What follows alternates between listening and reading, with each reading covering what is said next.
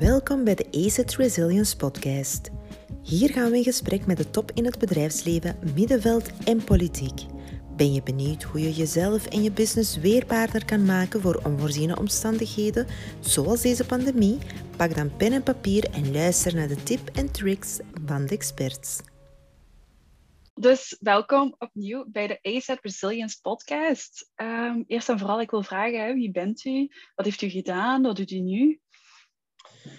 Meteen heel veel vragen. Uh, dus ik ben uh, Tom Bonte. Ik ben nu sinds uh, september van vorig jaar, midden in de coronacrisis, mm -hmm. ben ik algemeen directeur van Ancien Belgique, de concertzaal in het hartje van Brussel. Um, maar ik heb een curriculum dat ja, toch gepokt en gemazeld is door de, de, de kunsten. Um, want als je naar mijn vorige job kijkt, dan was ik artistiek directeur van Beurschouwburg. Um, dat eigenlijk hier 100 meter vandaan is van AB. Dus ik heb niet zo heel ver gesprongen qua jobhopping de laatste keer. dat heb ik negen jaar gedaan. en daarvoor was ik uh, programmator podiumkunsten, dus theater en dans, in Vooruit in Gent. Dus ook weer zo'n kunstenplek, maar dan wel al in een andere stad. Um, en nog daarvoor, want dat heb ik dan ook bijna zeven jaar gedaan, en nog daarvoor, dat was eigenlijk mijn eerste echte werkervaring, uh, was ik assistent van de toenmalige uh, programmator podiumkunsten um, in de Single in Antwerpen. Ah, ja. uh, dus ik heb ook een beetje de drie landen, nee, zeg ik, de drie stedentocht, niet de drie landen, de drie stedentocht gedaan. Uh, ja, in, het, in, in, Vlaanderen en in Brussel. Maar altijd binnen de kunst gewerkt. Ja, ja. Daarvoor heb ik aan de KU Leuven gestudeerd. Hè. Ja. En, ehm, en, daar heb ik ja, ook nog iets in de kunst gedaan eigenlijk, want dat was kunstwetenschappen heette dat voor het eerst toen. Ik ben nog altijd een beetje, ik struikel nog altijd over die term kunstwetenschappen. Voor mij blijft het toch een beetje kunstgeschiedenis, maar bon. Ah, ja. uh, daar kunnen, we ook, daar kunnen we een podcast op zichzelf over doen. Dat gaan we niet doen. Ja. Nee, oké. Okay. En welke nieuwe skill zou u allee, uh, nieuw ontwikkeld hebben door de COVID-situatie. Ik weet dat heel veel vrienden van mij zijn beginnen aan bakken, aan, aan een muziekinstrument bespelen. Heeft u zoiets waarvan u zegt, ja, dat heb ik nu opgepakt tijdens de COVID-situatie? Ja, een, grappige vraag. Want, wel, um, muziekinstrument, nee, want dat, dat deed ik al. Ik, ben, uh, ja. ik speel graag en veel muziek. Maar um, bakken, daar ben ik aan begonnen, in de zin van... zo, zo één keer een, een ready-made pakket gekocht, maar nee, dat was toch geen roeping voor mij.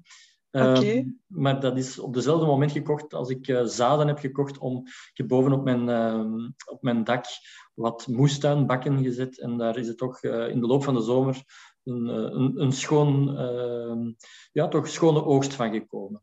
Dus dat is okay. iets wat ik normaal gezien nooit zou doen en ook geen tijd voor zou nemen. En ik geniet daar nu nog van, want er zit nog altijd uh, tomatenpuree in mijn diepvries. Dat is nu echt uh, een zeer concreet antwoord. En dat is super leuk om te horen, want dat is echt geweldig om te horen hoeveel mensen in onze omgeving zoiets hebben gedaan nu. Iets wat die eigenlijk normaal nooit aan gedacht zouden hebben zelfs. Ja, was dat voor jou? Uh, goh, ik heb, eigenlijk was ik gestopt met boeken lezen, dus ik heb dat terug opgepakt. Maar voor de rest een heleboel zo dingen wat ik zo één keer oppak en daarna terug wegleg, omdat ik niet echt de focus heb om ze eens consistent te blijven doen. Ja. Natuurlijk ook, ja, dat is, dat is iets, een, een eigenschap aan mezelf, spijt ja. genoeg. nu, uh, verder op de, op de evenementensector, want dus de COVID-situatie heeft natuurlijk de evenementensector en de cultuursector enorm hard getroffen. Wat zou voor u, uh, de, allee, hoe gaan jullie eigenlijk om met die, omga- uh, met die uitdaging? Ja, effectief. Het is, uh, het is wat dat betreft een heel moeilijke periode geweest. Uh, zoals ik zei, ik werkte eigenlijk nog in Beurschouwburg op het moment dat die lockdown uh, er is gekomen. Um, en dan merk je, en dat kan ik nu echt goed zien, de impact op een organisatie is ook heel verschillend van organisatie tot organisatie. Um, het heeft een beetje te maken met uw inkomstenstructuur, met uw, de meeste huizen in de cultuursector hebben ook een stuk van hun inkomsten uit subsidies. En normaal gezien, een huis dat um, veel van zijn, van zijn inkomsten uit subsidies haalt, stond in deze crisis wat sterker dan huizen die um, veel meer eigen inkomsten hadden en een beperkter uh, percentage subsidies.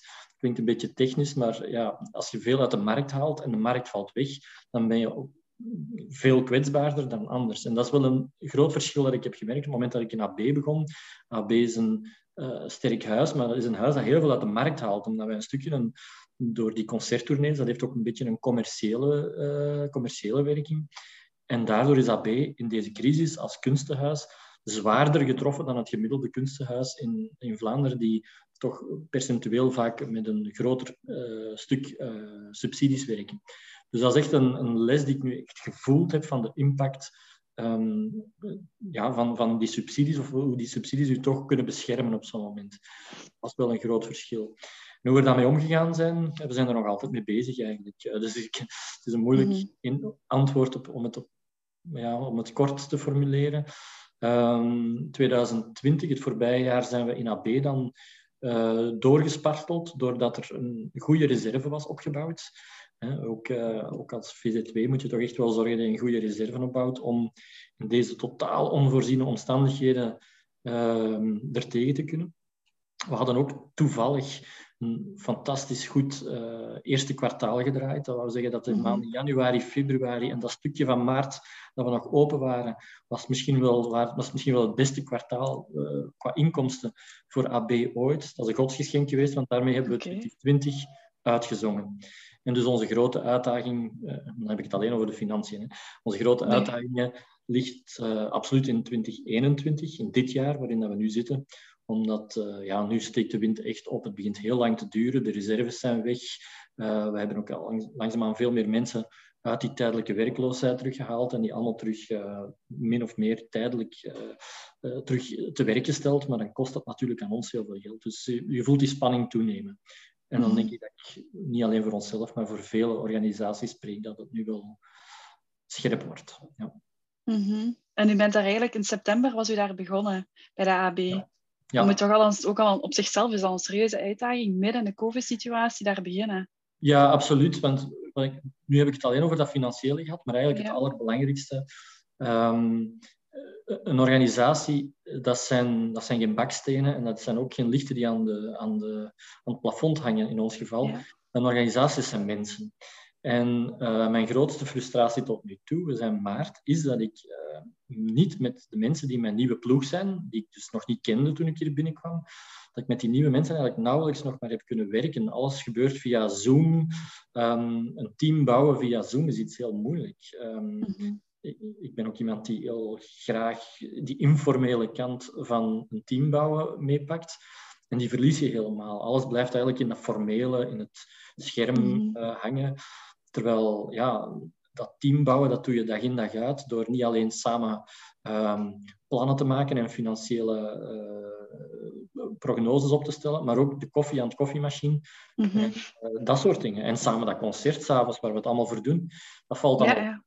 Dus dat was heel moeilijk en dat is heel moeilijk uh, sinds dat ik hier gestart ben in september. Er zijn eigenlijk nog altijd mensen die in die tijdelijke werkloosheid zitten sinds, uh, sinds het begin van de lockdown, die ik eigenlijk nog niet ontmoet heb. Hè? Die dus sinds september een nieuwe directeur hebben, maar die die mensen nog nooit gezien hebben. Ja, dat is ja. leuk voor hen, maar dat is ook echt niet leuk voor mij. Um, nee, dat geloof ik. Ik ken die mensen niet. Ja. Zo jammer, hè? Want we zitten nu al in maart. En hoe zou je, als je een voorbeeld zou kunnen geven van, we hebben het allemaal via Zoom moeten doen. Dit is een manier waarop wij het hebben aangepakt om toch zo, zo leuk en toch ergens zo fijn mogelijk te maken voor, voor de beide kanten, voor u en voor de, voor ja. de collega's, voor de medewerkers. Goh, het zijn vele kleintjes eigenlijk. Hè. Er is geen grote wondermiddel. Er zijn, zijn vele kleine momenten geweest. Ik ga een voorbeeld geven van hetgeen wat we bijvoorbeeld nu mm -hmm. vrijdag zullen gaan doen. Um, vrijdag uh, gaan wij met z'n allen, met het hele team, dat zijn een vijftigtal mensen in AB, mm -hmm. gaan wij met die vijftig mensen een digitaal uh, aperitief organiseren. Um, vrijdagavond, uh, vrijdag in de late namiddag, zeg maar, um, is normaal gezien zo'n gebruikelijk moment dat iedereen langzaam -hmm. aan het weekend ingaat. En normaal gezien doe je dat fysiek, samen een aperitief, of dat dan nu met of zonder alcohol is, dat maakt eigenlijk niet uit. Iedereen nee. kan een aperitiefje drinken. Mm -hmm. um, dat valt weg. Terwijl dat zijn zo die intermenselijke momenten die je echt nodig hebt om een organisatie te smeden. We gaan dat nu digitaal doen. Dus wat, heeft, wat is er gebeurd? Uh, twee collega's van mij Die zijn letterlijk het hele land rondgereden om naar al die collega's overal in Brussel en in Vlaanderen ehm, een, een soort van aperitief pakket te gaan rondbrengen, waarin dat een, een, een, fles bubbels zit, maar ook een fles um, uh, appelsiensap en uh, daar zit ook een, uh, een klein zakje chips bij, et cetera, et cetera. Ja. Die zijn dat gaan ronddragen en vrijdag maken we dat pakket samen open in een gigantische mozaïek Zoom. Wauw dat is een voorbeeld. Het is nu toevallig dat dat deze week is, maar het maakt op die kleine manier dat intermenselijke toch een beetje tastbaar. Ja, ja. Um, gaat dat alles, uh, alle problemen van de baan helpen? Absoluut niet. Los van het feit natuurlijk ook dat er ook mensen zijn die, ja, die, die dat eigenlijk ook niet zien zitten, die online uh, aperitieven. Dus, dus je bereikt ook weer een stuk, wel een groot stukje in ons geval, van de mensen, maar ook weer niet iedereen. Dus het is ook niet permanente aandacht om iedereen te blijven bereiken. Ja. Uh, iedereen reageert ook heel erg anders op die crisis. Er zijn mensen die uh, ja, hun enthousiasme niet verliezen. En er zijn mensen die helemaal in hun schelp kruipen en waar je eigenlijk nauwelijks meer iets van hoort. Die moet je dan toch echt zeer actief gaan, uh, ja, uit die schelp gaan halen. Ja. ja. Amai, serieus. Het, het, lijkt me heel erg leuk om zo'n pakket te ontvangen, maar je hebt wel gelijk, dat is echt verschillend van persoon tot persoon. Ja. Nu, mijn volgende vraag is, u heeft tijdens een interview gezegd dat u de COVID-situatie wilt gebruiken om nieuwe ideeën en initiatieven uit te werken. Heeft u, is dat zover al een beetje kunnen lukken? Heeft u daar zo voorbeelden van, wat u heeft kunnen, ja. kunnen waarmaken? Ja en nee, het zal een beetje, een, misschien een, op het gevaar af dat het toch een beetje nog een vaag antwoord blijft. Mm -hmm. Ik heb dat inderdaad gezegd, om, en, en ik zal dat ook vandaag nog opnieuw zeggen trouwens, uh, omdat zo'n crisismoment is ook altijd een kans. En dat, is, dat klinkt als een tegelwijsheid die we tegen de muur kunnen hangen, maar het is ook wel echt zo. Uh, zeker in het geval van een huis als AB. AB, mag je niet vergeten, is een huis waar op jaarbasis een vijfhonderdtal concerten uh, de revue passeren. Uh, dus in een normaal jaar, er zijn maar 365 dagen, is dat elke dag een concert en sommige dagen zelfs twee concerten. Dat is eigenlijk... Dus dat is op een bepaalde manier ook een machine. Hè? Ja. En een machine um, heeft als logica dat ze op een bepaald moment uh, begint te draaien en niet meer stopt. Dat is een automatisme geworden. Dus die, die machine draait maar door, die draait maar door en dat wordt een evidentie op zich. Um, en doordat er nu een, een, gigantische stok in de, in de machine gestopt is, die plotseling de hele boel heeft doen sputteren, met name die coronacrisis, kom je eigenlijk, kan je een keer klaarder kijken naar van oké, dat is een machine, die draait fantastisch, iedereen is vol lof over die machine, maar het is ook maar een machine. En dus ze doet bepaalde dingen heel goed en ze doet een aantal dingen niet. Hè. Namelijk de dingen waar de machine niet voor gemaakt is, gaat ze ook nooit doen. Mm-hmm. Terwijl daar misschien ook wel uitdagingen liggen. Dat was uh, mijn eerste boodschap vooral, van laten we een keer kijken welke dingen worden er binnen AB, hè, want ik moet die niet zelf verzinnen. Hè. We hebben 50 collega's die allemaal uh, ja. hersenen in hun hoofd hebben, dus die allemaal ideeën hebben, maar die om allerlei redenen vaak niet gedaan werden in de organisatie die AB was, omwille van het feit dat die machine aan het draaien was en er was dus wel een excuus of er waren redenen. Het is niet altijd een excuus, soms zijn er ook gewoon legitieme redenen waarom dat iets mm -hmm. niet doet. Um, maar nu ligt die kans open natuurlijk en kan je eens een keer naar die ideeën kijken en zeggen van, maar kunnen we het toch niet anders doen? Kunnen we een aantal dingen die we om allerlei redenen niet gedaan hebben, in het, in het AB-model van de toekomst, om het dan zo te zeggen, toch niet beter gaan integreren. Mm-hmm. Dat is en blijft een uitdaging, want binnenkort, hopelijk, hè, verdwijnt die corona. En het eerste wat er gaat gebeuren is, die machine die gaat zeggen, yes, we gaan ervoor, en de machine begint weer te draaien, en voordat je het weet zit je terug in de back to normal. En ik probeer nu in deze periode gewoon uh, een aantal dingen ingang te doen vinden die... Um, ja, die, die losstaan van die machine. Je zou kunnen zeggen van het is een, een, een nieuwe hulpmotor die we proberen op gang te brengen. Um, okay. En daar zitten, daar zitten allerlei dingen in. Hè. Ik bedoel, uh, dat gaat over... Uh, AB wil uh, veel meer bezig zijn met de stad Brussel bijvoorbeeld. Um, daar willen we nu echt op inzetten. Dus wij zijn met veel meer partners aan het spreken. We willen ook nadenken, hoe kunnen we dingen doen met AB die niet noodzakelijk binnen het gebouw van AB gebeuren. Dat kan extramuros zijn met partners, maar dat kan ook in een park zijn, noem maar op. Het kan eigenlijk alles. Um, focus op jongeren is een hele belangrijke. Dat is iets... Mm-hmm. Um, dat is een dada van mij. Ik neem het mee in al mijn jobs, denk ik. Maar ik denk van... ik zie dat wel gebeuren bij AB. AB is een heel sterk merk, maar wordt voor een stuk, doordat ze 40 jaar bestaan ondertussen, groeien ook een beetje mee met uw publiek. Um, terwijl de uitdaging is wel om aansluiting te vinden bij een publiek van vandaag.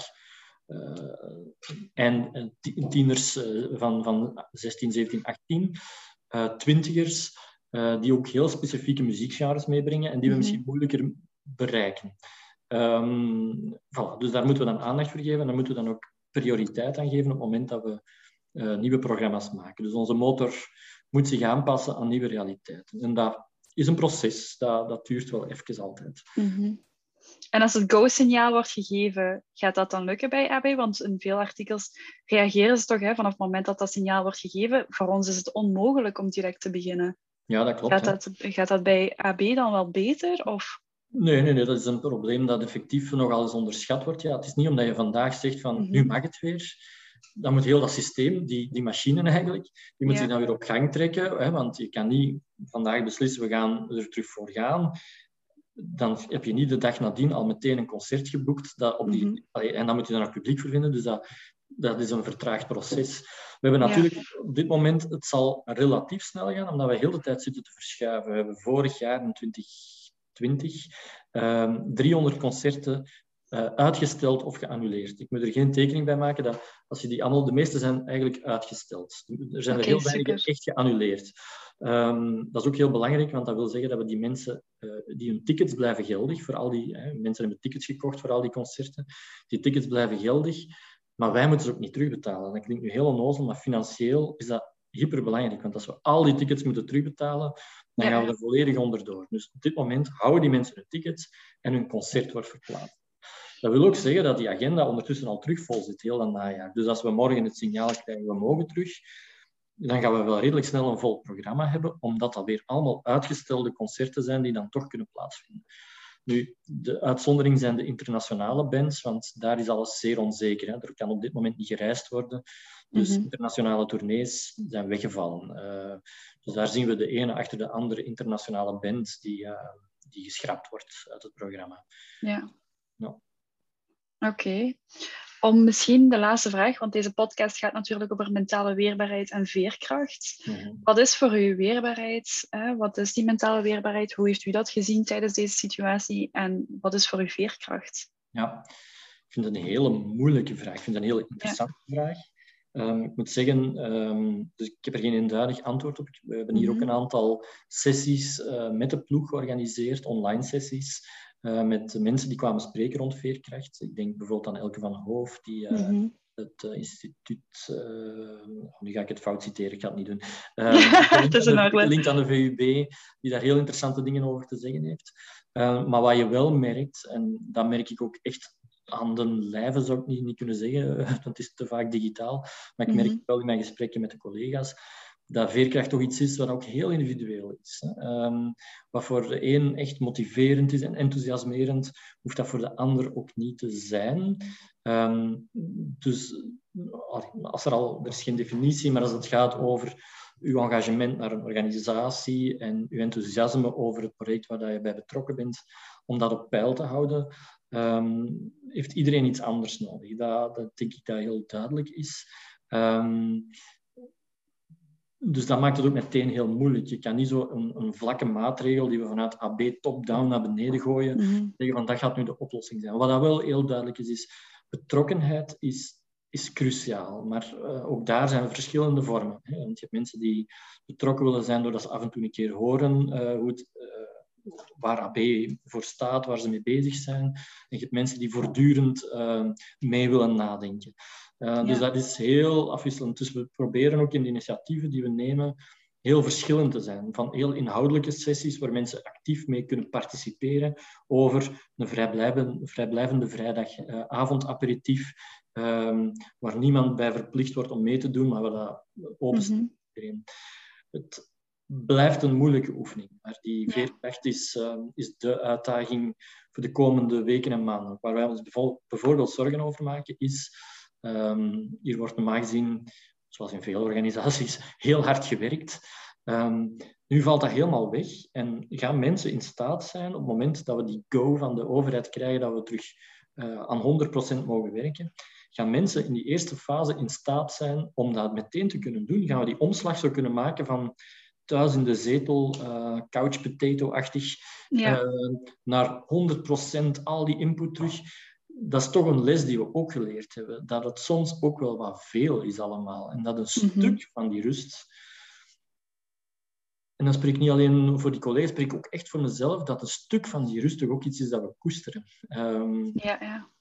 Dus dat wordt dubbel, want daar terug naar keren gaat heel veel energie en enthousiasme geven, maar ik denk ook wel wat angst bij sommige mensen van is dit nu exact wat we willen? Is dit nu exact waar we terug naartoe willen? Dus we gaan dat ook met enige voorzichtigheid moeten doen. Ja. Ja. Oké, en welke persoonlijke challenges zou je zeggen dat u heeft gehad? Wel echt persoonlijk, niet enkel zeg maar in naam van de organisatie, maar echt bijvoorbeeld dat u kunt zeggen, ik was minder communicatief bijvoorbeeld, als ik zelf een persoonlijk voorbeeld moet geven. Mhm. En ik heb echt veel beter leren en moeten communiceren. Omdat die persoonlijke touch wegviel. Ja. En ik was nooit goed zeg maar via dat online te doen. Dus ja, welke persoonlijke challenges zou je zeggen dat, dat u wel heeft ervaren nu? Ik herken die van jou zeker ook wel, moet ik zeggen. Um, mijn, ja, ik, die, die communicatieve, die zat er bij mij zeker ook in. Zeker als ook een nieuwe ploeg. Dus je moet dan mhm. tools vinden om met heel die ploeg te communiceren. En al die mensen hebben zoiets van, wie zei je eigenlijk? Mm -hmm. dat is al niet zo evident. Um, en het andere wat ik wel merkte is, ik heb toch echt wel die groepsdynamiek nodig om ook projecten die op mijn bord, specifiek op mijn bord liggen, toch te blijven aangaan. Mm -hmm. uh, ook al, ik heb daar die andere mensen niet voor nodig, maar zij geven mij de energie om een aantal van de challenges die ik vanuit mijn mhm. functie moet vervullen, um, daarvoor te blijven gaan. Ik heb toch gemerkt, nu is het weer beter, maar zeker in zo het diepste stuk van de winter waren er momenten dat ik een to-do-lijst had waar ik uh, toch moeilijker, voor mezelf moeilijker vond om er te gaan aanstaan en uh, die taken te beginnen af te vinken. Um, ja, ik weet niet goed hoe je dat oplost hoor. Ik denk, mm het eerste wat ik, ja, dat wou ik eigenlijk nog zeggen. Uh, dat was een beetje op jouw andere vraag.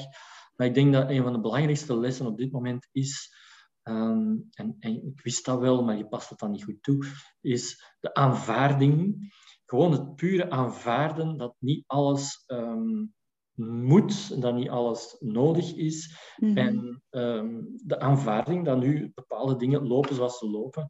En dat u daarover opwinden of u daarover frustreren vooral zal bijdragen tot, um, tot het verliezen van uw veerkracht dan, ja, dan, dan tot uw veerkracht zelf. Dus het aanvaardingsproces. Ik denk, en als we dat kunnen omdraaien tot iets positiefs, dan kunnen we daar ook na de COVID-crisis volgens mij mee verder. Want -hmm. ook niet-COVID-tijden is aanvaarden dat er sommige dingen niet goed gaan een, een, uh, een wijze les. Hè? Maar die gaan we ja, wel ja. vergeten als de, als de red race weer begonnen is, vrees ik. Mm -hmm. Nee, dat is wel heel mooi. Ik, ik heb ook gemerkt dat toch wel het accepteren een van de belangrijkste stappen is geweest. Van ja. eender welke challenge die we nu hebben moeten ervaren. Als laatste heeft u misschien nog iets wat u wilt meegeven aan onze leden. En vooral jongeren eigenlijk, want dat is toch wel ons doelpubliek. Uh -huh. Tips, tricks, dat kan organisatiegericht zijn, dat kan ook heel erg persoonlijk zijn. Want ik denk toch wel dat de meeste mensen zo hetzelfde een beetje ervaren. Nu, dat is allemaal heel erg persoonlijk. De een ervaart dat misschien harder en die ervaart daar eigenlijk veel meer last van dan dat bijvoorbeeld iemand anders dat doet. Maar toch wel, voor ons allemaal, het is moeilijk geweest. Heeft u daar nog laatste tips en tricks over? Ik, ik ben echt... Um, nee, ik vind niet dat ik in een positie ben om daar echt uh, gouden tips voor te geven. Wat ik wel merk is enige mildheid. Hè? Ieder voor zich. Hè? Wees mild voor jezelf. Klinkt mm -hmm. ook weer een beetje bond zonder naam. Um, ja. Maar je voelt het wel zo aan. Wees mild voor jezelf. Ik zie veel mensen die um, door dat isolement um, een beetje in zichzelf verdwijnen en dan ook heel streng zijn voor zichzelf, dat ze niet meer mm -hmm. goed zijn, dat ze geen aansluiting meer vinden bij anderen. Ik denk van, het is, ook, eh, het is, het is uiteraard niet oké okay als je geen aansluiting vindt, maar het is, veroordeel jezelf niet te snel. Um, we zitten allemaal in dat, in dat schuitje. Um, ja, dus die mildheid. Ik denk, ik vind dat sowieso een menselijke waarde die we wat meer moeten naar boven halen. Mildheid ten opzichte van de ander. Mm -hmm. uh, in wat hij of zij kan of dit moment niet kan. Ook die mildheid om te beseffen dat sommige mensen anders reageren op deze crisis dan anderen. Dus dat een keer loslaten even legitieme keuze is als er dan 300% invliegen. Dat zijn twee, mm zeg je, dat, zijn, dat is de flipside, die zijn flipsides van elkaar. Hè? Dus in die ja. het ene niet beter dan het andere. Ik denk dat dat een, een vorm van mildheid is die ik wel graag wil bepleiten. En ja, het is sowieso volgens mij ook een, een, een levenshouding die ons maatschappelijk ook wel wat verder zal brengen. Als we wat mildheid en wat meer empathie voor de ander zouden kunnen, kunnen uh, hebben, dat dat mm ons maatschappelijk ook vooruitbrengt. En ik weet dat zijn deze dagen misschien heel melige boodschappen, maar ik geloof die, ik geloof die wel heel erg. Uh, nee, zeker. We mogen allemaal verdraagzamer zijn, vind ik ook. De wereld zit al vol genoeg met heel harde mensen, met heel sterke ja. principes. Um, ik, ben alleen maar, ik kan alleen maar vaststellen dat hoe ouder ik word, hoe minder principes ik nog heb. Um, ja? ja, dat heeft veel te maken met het feit dat ik denk van ja, dat, omdat principes vertrekken um, vanuit heel over, harde overtuigingen over bepaalde ja. zaken. En dan kom je anderen tegen die helemaal anders zijn dan jou, met een heel ander levenspad dan jou. En die maken dat je principes, als je er tenminste ontvankelijk voor bent, mm -hmm op zijn minst gerelativeerd worden. Ik ben, uiteraard heb ik ook principes. Hè. Uh, ja, ja, tuurlijk. Ik ben principieel tegen homo-haat, om nu een zeer actueel thema. Mm -hmm. Dat ga ik niet verlaten, wees gerust. Dat ga ik echt niet verlaten. Oké, okay, super, dat is goed om te horen. ik geef dat nu als random voorbeeld, maar ik snap wat ik wil zeggen. Hè. Principes, ja, natuurlijk. Ja, veel van uw principes worden toch wel met de jaren afgezegd, of zo merk ik het toch, um, door anderen tegen te komen. Um, door mensen tegen te komen die een ander levensverhaal hebben en waar dat je ja, door, door hun ogen te kijken voor een stuk ook um, ja, jezelf moet relativeren. Mm. Ja, oké. Ik wil je heel erg bedanken voor deze podcast. Ik heb er enorm van genoten. Het is ook heel erg leuk om terug maar zeg, een beetje een update te krijgen van de evenementensector. Zeker op zo'n meer persoonlijk gebied ook, en niet enkel via het nieuws. En ik kijk er enorm naar uit om aan te schrijven bij de AB. Enorm. Laat het, laat het, weten. Ik hoop dat je niet moet... Of ik hoop wel dat je moet aanschuiven. Ik wil aanschuiven. Maakt me niet uit. wel, maar altijd welkom. Uh, heel graag. Ik kijk er alleszins ook naar uit van jou en naast jou al die anderen terug te mogen ontmoeten, want het blijft hetzelfde. Hè? We zijn een organisatie die werkt met mensen, maar ook voor mensen. Um, ja, en sinds dat weggevallen is, is ook een beetje onze, onze betekenis en waar we het voor doen weggevallen. Dus uh, hoe sneller dat terugkomt, hoe beter. Oké. Ja, u heeft absoluut gelijk. Het was een genoegen. Heel erg bedankt. Jij ook en nog veel succes met uh, studies daar. Ja, dank u van hetzelfde. Ja. Dag.